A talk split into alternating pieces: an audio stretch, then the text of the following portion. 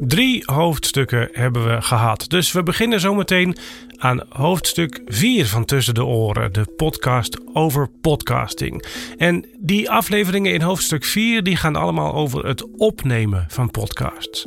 Vrij technisch is het allemaal. We gaan het hebben over de weg die geluid aflegt van de mond van een spreker in een podcast naar de oren van de luisteraar, die helemaal aan de andere kant van de wereld kan zitten.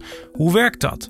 We gaan het hebben over het digitaliseren van geluid, over microfoons en microfoongebruik, over opnameruimtes, over hoofdtelefoons, over statieven, over MP3 of WAV. Want in welk formaat moet je eigenlijk opnemen? Dus de komende afleveringen gaan niet over het creatieve proces, niet over hoe je een leuke opname maakt of een boeiende of een emotionele. De komende afleveringen gaan puur over de techniek van het opnemen. Aflevering 22 tot en met 36.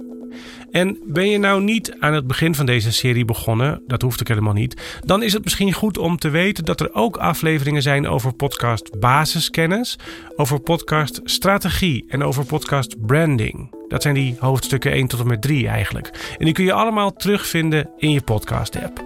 Maar nu duiken we dus in de techniek van het opnemen. Tot zo in aflevering 22 van Tussen de Oren.